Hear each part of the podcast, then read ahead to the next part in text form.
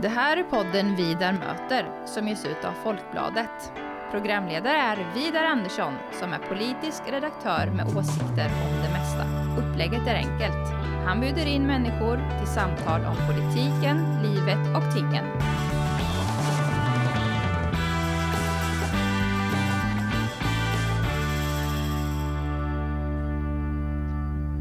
Välkommen till Vidar möter, Annie Lööf. Tack så mycket. Mm. Och stort tack för att eh, jag får gästa dig i ditt arbetsrum här på riksdagen. Ja men tack, jag brukar ju själv inte vara så ofta. Det är mycket hem, hemarbete nu, men eh, för din skull så åkte jag in idag ja. faktiskt. Och det blir bättre så här. Ja, det blir det verkligen. Och ses. Mm. Det är viktigt. Hörru du, jag var med i Åre eh, för Folkbladet då, eh, när du valdes till eh, ordförande. Mm. Det är 2011. Ja. Du var bara 27 år. Ja. Helt otroligt. Och nu är du 37. Ja, jag var faktiskt 27. Eller när jag var 28. 28, okej. Okay. Vi kan ta om det om du vill. Nej då, jag var 20, Nej, men jag var 28. Eh, och eh, nu är jag 38 i sommar. Ja. Eh, så jag har suttit 10 år som partiledare. Ja. Mm. Så ung och så veteran. Ja, samtidigt. Alltså, ja. Då var jag ju ung och lovande och nu ja. är jag väl lite äldre och mer erfaren. Ja, eller hur? Men du känner inte så här att jag menar, det är en väldigt spännande politisk tid vi lever i? Och tänkte att jag skulle ha börjat nu, då hade jag kunnat sitta i 20 år till. Nej men jag tycker att jag började helt rätt. Alltså, och jag, nu så här efterhand när jag tittar tillbaka så tyckte, tycker jag att jag var oerhört modig då. Mm. Eh, jag var ung, vi satt i regeringsställning. Eh, att tacka ja till ett partiledarskap innebar ju också att man tackade ja till att bli minister och departementschef. Och det var ju ett enormt ansvar. Och det var ju inte guld och gröna skogar på den tiden heller, utan det var ju en ekonomisk kris. Mm. Det var fordonskris och jag blev landets näringsminister. Så att eh, det var ju några tuffa år där eh, faktiskt i regeringsställning. Samtidigt som vi också hade det rätt tufft internt mm. i Centerpartiet. För vi hade ju inte gjort ett tillräckligt bra val 2010 eh, och det hade skapat liksom en oro om vad Centerpartiet är och vad vi står för. Så att, eh, det var ju en resa där inledningsvis också. Mm. Så att eh, de här tio åren som jag varit partiledare har ju mitt parti utvecklats, men Sverige och världen har ju utvecklats mm. jättemycket. Så att eh, jag har mer att ge, så ja. jag kommer få vara med några år till här framåt. Ja. Förhoppningsvis. Det, det, låter bra. Man kan inte bara ha nybörjare på de här posterna. Det, eller hur? Ja, och med erfarenhet så kommer ju också möjligheten att se saker i andra perspektiv. Mm. Eh, jag har ju haft förmånen att vara med i tre skeden kan man säga under de här tio åren. Alltså först i regeringsställning, mm. sedan i ren opposition mm. Eh, efter valet 2014 och nu de senaste åren eh, som, ett, eh, som en budgetpartner till regeringen. Alltså mm. en, liksom en, en, en semiposition där man både är med och genomför mycket politik men också har vissa frågor där vi är i skarp opposition. Och mm. Just de här tre skedena gör ju att min roll har förändrats hela tiden. Mm. Så att jag är i grunden en person som vill framåt och jag vill att det ska hända saker. Och det tycker jag ändå att det har gjort. Mm. Eh, det har liksom inte varit en dag som har varit lugn och stilla under de här åren. Ja. Partier är ju, eh, är ju olika. Kom, man, man kommer från olika håll och växer fram olika partikulturer och så. Jag skulle nog säga med min politiska erfarenhet som i huvudsak är från eh, Socialdemokraterna och eh, från kommunpolitik och riksdagspolitik och sånt där. Att Centerpartiet och Socialdemokraterna är ganska lika varandra i den meningen. Jag, jag, jag skulle vilja säga att det finns en ganska stark maktgen även i Centerpartiet. Att det finns det hos Socialdemokraterna, det är alldeles solklart. Att vi förstår värdet av att sitta i regering. Mm. Nästan till varje pris som helst. Men eh, den här maktgen, att, att den finns hos Centerpartiet också. Alltså att man är beredd att ja, ge efterkall på det ena och det andra ifall det behövs för någon större sak. Och sånt där. Ja, men där skiljer vi oss nog åt. Jag skulle ja. säga att det finns ju fler skillnader än likheter mellan Socialdemokraterna och Centerpartiet. Det som Eh, lika är ju vår tradition av att vara mm. breda folkrörelsepartier. Eh, som liksom har en, vi har liksom en förmåga båda två att liksom hitta de där rörelserna ute i landet och att ja, bygga framåt. Våra, våran, I Centerpartiet är ju våra medlemmar oerhört viktiga och att mm. de känner att de kan vara med och påverka till exempel. Sen är ju Centerpartiet också ett parti som är beredd att kavla upp armarna för att få något gjort. Eh, men inte till vilket pris som helst. Mm. Eh, och eh, vi är beredda att sitta i maktställning både lokalt och regionalt och nationellt. Vi är ju det parti som är med och styr på flest ställen i mm. landet just nu. Men jag vill ändå säga att det inte är till vilket pris som helst, utan vi har ju dragit redlines. Vi sitter inte och förhandlar med Sverigedemokraterna till exempel för att få mm. inflytande. Mm. Eh, vi går inte med på vissa förslag från Socialdemokraterna i vissa kommuner och då står vi hellre över och är i opposition. Mm. Eh, så att eh, för vår del så är ju det politiska innehållet helt centralt. Mm. Och när vi satt och förhandlade januariavtalet så försökte jag ju få S att släppa fram en alliansregering. Mm. För att, och liksom erbjöd dem då ja, men politiska eftergifter eh, motsvarande de eftergifterna de sen eh, mm. fick göra till oss för mm. att vi skulle acceptera dem. Och det var ju enorma politiska eftergifter som Socialdemokraterna fick göra för att få sitta kvar i regeringsställning. Vi pratar om kraftigt sänkta skatter, mm. stopp eh, för det här med att eh, eh, för vinst i välfärden, eh, göra om Arbetsförmedlingen och arbetsrätten och hyressystemet i grunden. och, och ändå så var man beredd att ge det för mm. att makten var viktig. Och det var en rätt intressant övning den där hösten för att även om jag sa att ja men om ni släpper fram alliansen och det finns möjligheter för er att kräva att vi inte sänker skatten, mm. att vi inte rör arbetsrätten, att vi gör förändringar i sjukförsäkringen. Eh, kan ni inte tänka er att liksom mm. hitta en acceptans över blockgränsen? Och svaret på den frågan var ju nej. Mm. Och där skiljer vi oss verkligen åt, för mm. att för vår del så är det faktiskt det politiska innehållet som är det mest centrala för oss. Och det är därför jag inte sitter i regeringsställning nu. Mm. Alltså, vi, vi fick få ut mycket mer genom att ha den här positionen som vi har idag och få genomslag för vår politik. Mm. Ja, det är intressant. Alltså jag, I min värld är det inte nedlåtande att vilja mm. eftersträva makten. Utan... Nej, och inte i min heller. Nej, nej, men nej. man kan skilja sig åt. Ja, ja, ja absolut, absolut. Men du, eh, eh, när du valdes där, jag tänkte på det, det var ju ett väldigt starkt stöd. Det var väl 1500 medlemmar där någonting. Det var fullt i sporthallen i år mm. i alla fall. Och en väldigt familjär stämning trots att det var så många. Och sen när du inledde, precis som du sa lite tidigare, så blev det ju kriser där med det ena och det andra. Och program och någon julfest på näringsdepartementet och, ja, och politik och sådär. Men uppslutningen bakom dig har liksom alltid varit eh, Media har, letar ju alltid i sådana här lägen efter någon som ska prata skit om partiledaren. Mm. Men man hittar nästan ingen. Inte ens någon riktigt gammal fördetting tror jag. Utan, alltså Nej. alla, man... Eh, ja, och det bygger nog i att jag fick ju ett oerhört starkt stöd när jag valdes ja. som partiledare. Jag valdes ju i en öppen process. Mm. Eh, och valberedningen gjorde ju ett väldigt mödosamt arbete där med att vaska fram en kandidat som hade stöd i hela landet. Mm. Och jag blev ju vald enhälligt. Eh, och eh, hade ju många nomineringar, både från distrikt men också från kretsar, alltså mm. våra kommunkretsar och medlemmar. Och när de valde mig så gjorde de, de investerade ju mig där i förtroende. Och eh, när det då var tuffa år där för, mm. det är ju länge sedan ja, nu, ja. men sju, åtta år sedan. Eh, de trodde på mig. De hittade ju inte någon som där var ute till exempel och krävde min avgång eller liknande. Nej, nej. För det hittar man ju alltid i andra mm. partier. Eh, så att ehm, Eh, Eh, och det är ju lite unikt med Centerpartiet, att vi vårdar och värnar de vi har.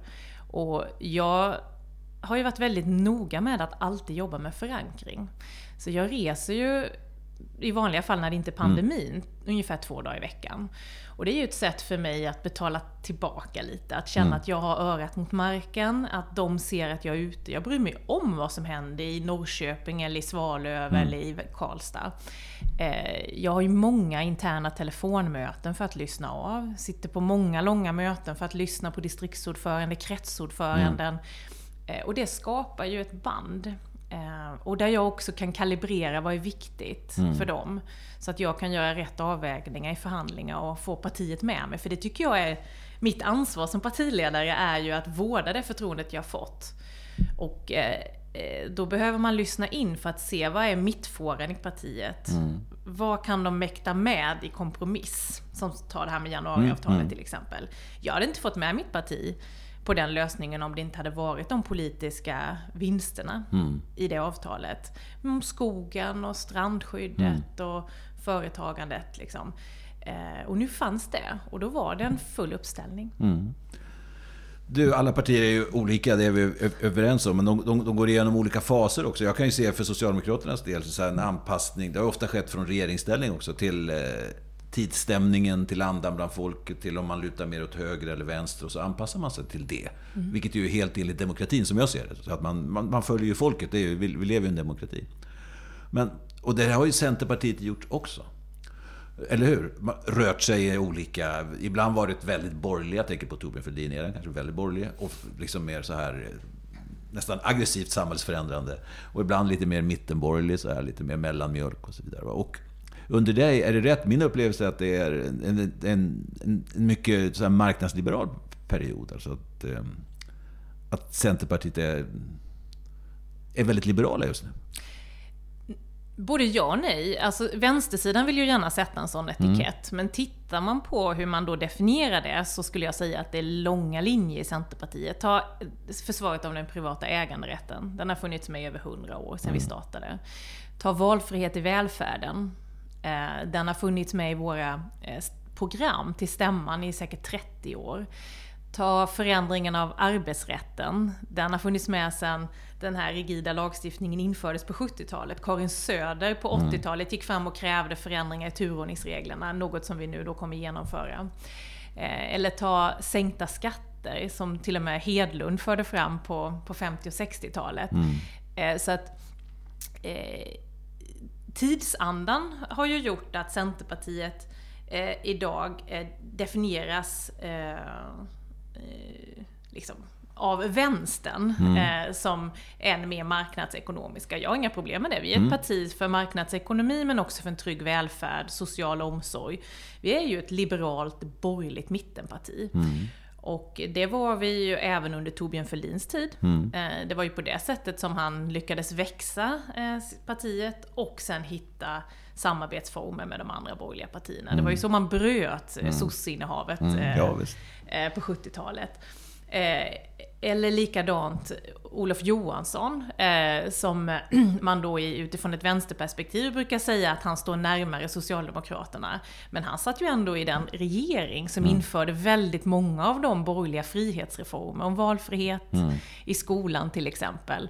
Eh, och införde hela den här tanken kring kretsloppet och eh, arbetet kring miljö som har varit viktiga för oss framåt. Så att, jag är, jag är faktiskt väldigt stolt över vår historia och eh, det är första gången vi nu betecknar oss som liberala. Mm, eller hur?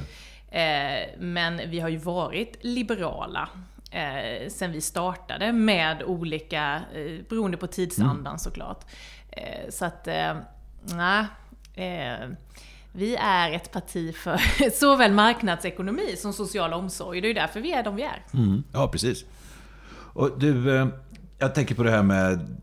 Du har ju varit mycket tydlig och lanserat det här i svensk politik med röda linjer man ska ha. Och framförallt då till Sverigedemokraterna och Vänsterpartiet. Personligen är jag ganska tveksam till det där med röda linjer. För mycket röda linjer. Så här, vi kan bli dött i politiken. Jag, jag, jag, jag tänker så här bara. Vad, ger man alltid Sverigedemokraterna eller Vänsterpartiet inflytande om man gör upp med dem? Jag tänkte på det här i försvarsutskottet när eh, fem partier, alltså inklusive Centerpartiet och Sverigedemokraterna, enades då om att eh, eh, tillkännage till regeringen att man borde utlösa en NATO-option. Vi behöver inte gå in på sakfrågan mm. nu, det har vi inte tid med. Men alltså, det var ändå så att mm. det bildades en majoritet. Gav... Jag menar, är det entydigt så att då fick Sverigedemokraterna inflytande? Fick inte också Centerpartiet inflytande? Genom och kunna använda Sverigedemokraterna. Förstår jag tänker? Jo, ja. men det är ju en stor skillnad här. Alltså, det var ju en centerpartistisk motion mm. som vann i riksdagen om en NATO-option för att eh, tillräckligt många partier ställde sig bakom den. Allianspartier och Sverigedemokraterna. Mm. Det är ju inga problem. Alltså Nej. att lägga fram sin politik och sen så får ju partier rösta hur de vill. Eh, det har vi ju aldrig haft några problem mm. med. Att tillträda som regering om man är större än de rödgröna. Vi var ju bara ett mandat ifrån ja. sista valet. Det har vi heller inga problem med. Mm. Utan det vi har problem med det är när man kommer i en beroendeställning till ett parti som är antingen Vänsterpartiet eller Sverigedemokraterna. För att de är ju av helt naturliga skäl ingen dörrmatta, mm. utan de kommer kräva inflytande i ja. förhållande till sin storlek. Som Konst, alla andra. Ja, ja, konstigt vore ju annat. Ja, och det är ju där man som parti måste fundera på, vilka partier är jag beredda att eh, kompromissa och förhandla med, mm. samarbeta med. Och då har vi sagt att ja, men vi är beredda att samarbeta med ungefär 70% av Sveriges riksdag. Nuvarande regeringsparti och allianspartierna. Mm.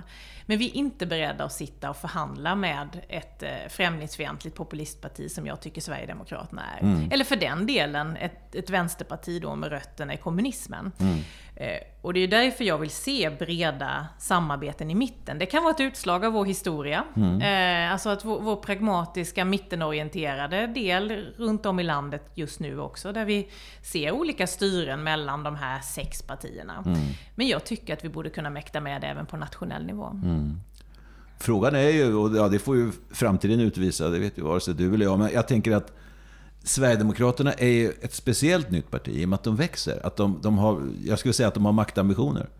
De, och nu eh, blir många socialdemokrater arga, men, men de påminner om Socialdemokraterna i det avseendet. Alltså att man är beredd att förändra och anpassa sin politik, för man, man vill få makt och inflytande. Mm. Mer, medan andra partier förblir små.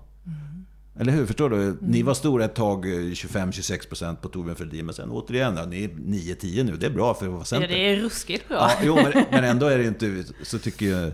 Nej, men vi har vuxit under den här tiden också, när Sverigedemokraterna har vuxit. Ja, det är en eh, polarisering då? Eh, nej, det Eller? tror jag inte. Utan vi, alltså, vi vinner ju väljare eh, på landsbygden är vi ju som starkast. Mm. Eh, det är så fortfarande? Eller? Ja, vi ja. är som starkast på mm. landsbygden mm. och bland eh, de nya väljarna som har kommit de senaste valen är ju unga och kvinnor och storstadsväljare. Men om man mm. tittar på kvinnor till exempel så är det ju kvinnor på landsbygden. Mm. Eh, så att Eh, vi är ju ett parti som faktiskt är starka runt om i hela landet, men vi attraherar andra människor än de som attraheras av att rösta på Sverigedemokraterna. Mm, mm. De tror jag plockar framför allt väljare som har röstat på S och M mm, tidigare. Ja.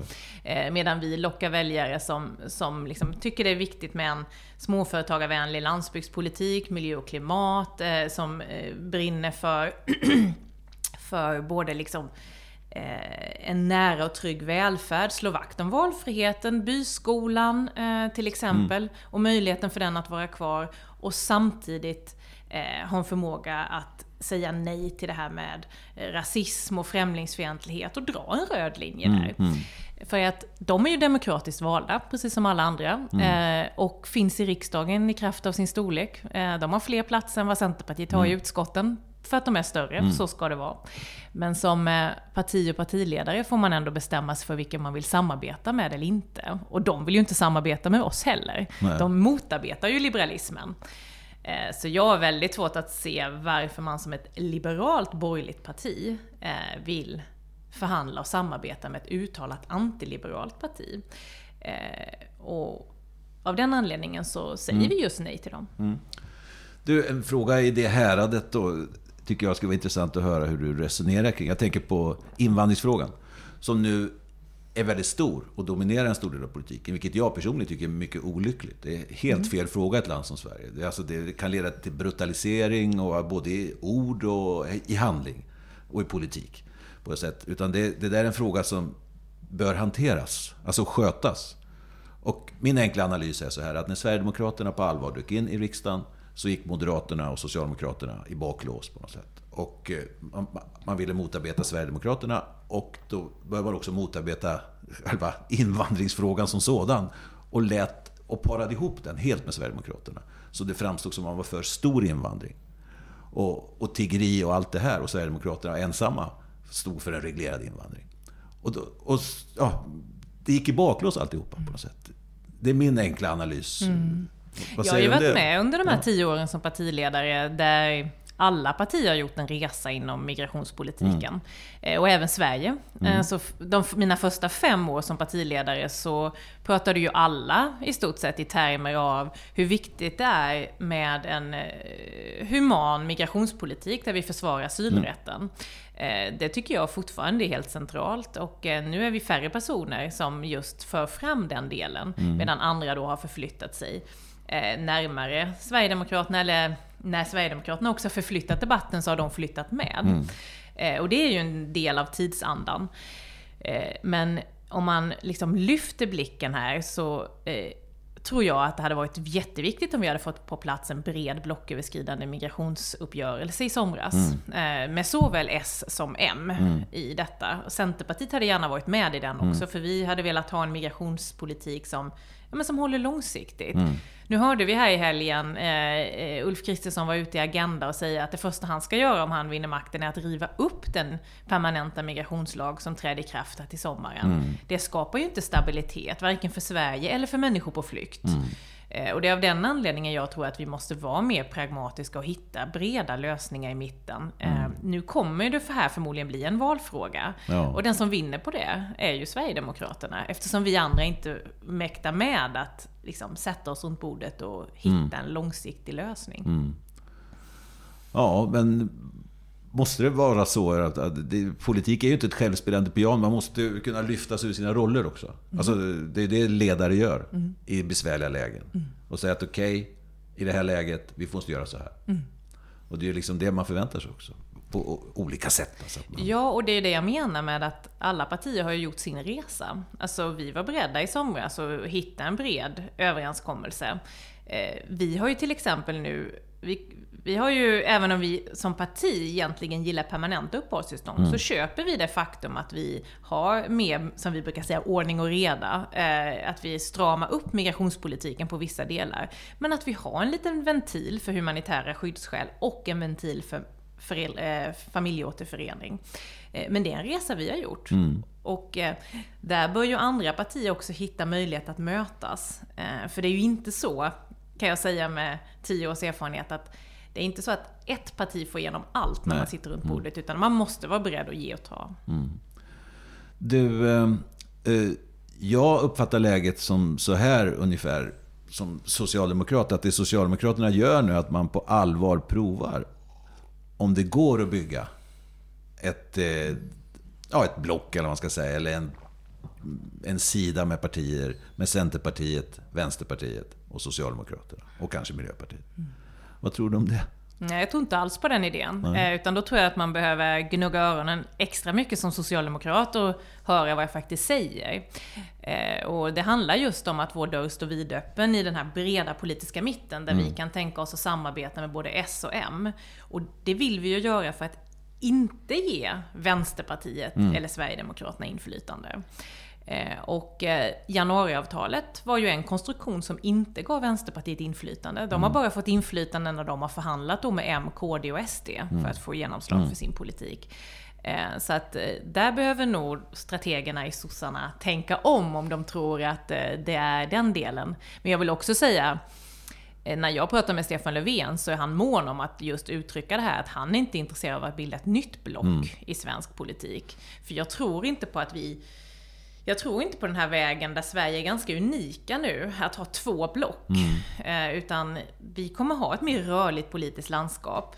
Där man snarare kan se tre olika eh, liksom delar med ett block då till höger som drar mer åt det konservativa hållet. Mm. Eh, ett block som är eh, vänster, eh, som inte har några problem att kalla sig för vänster. Och det, dit räknar jag Socialdemokraterna, Vänsterpartiet och nu också Miljöpartiet mm. som själva säger att de gärna definierar sig in där.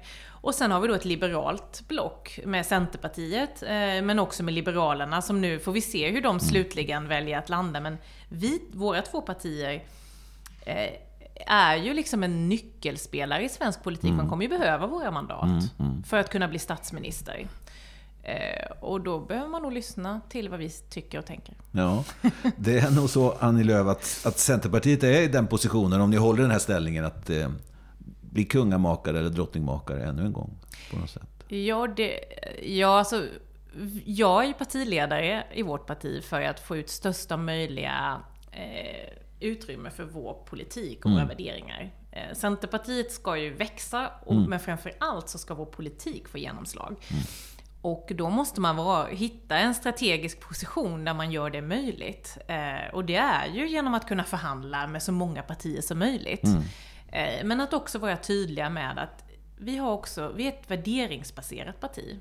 Det finns vissa röda linjer, makt är inte allt. Eh, utan eh, vi har fokus på att genomföra vår politik till en viss gräns. Mm. Går inte det, nej men då får de andra försöka. Men vår ambition är att försöka hitta samarbeten i den breda mitten. Och det säger alltså Annie Lööf, partiledare för Centerpartiet. Stort tack för att du vill vara med i Vida möte. Tack så mycket.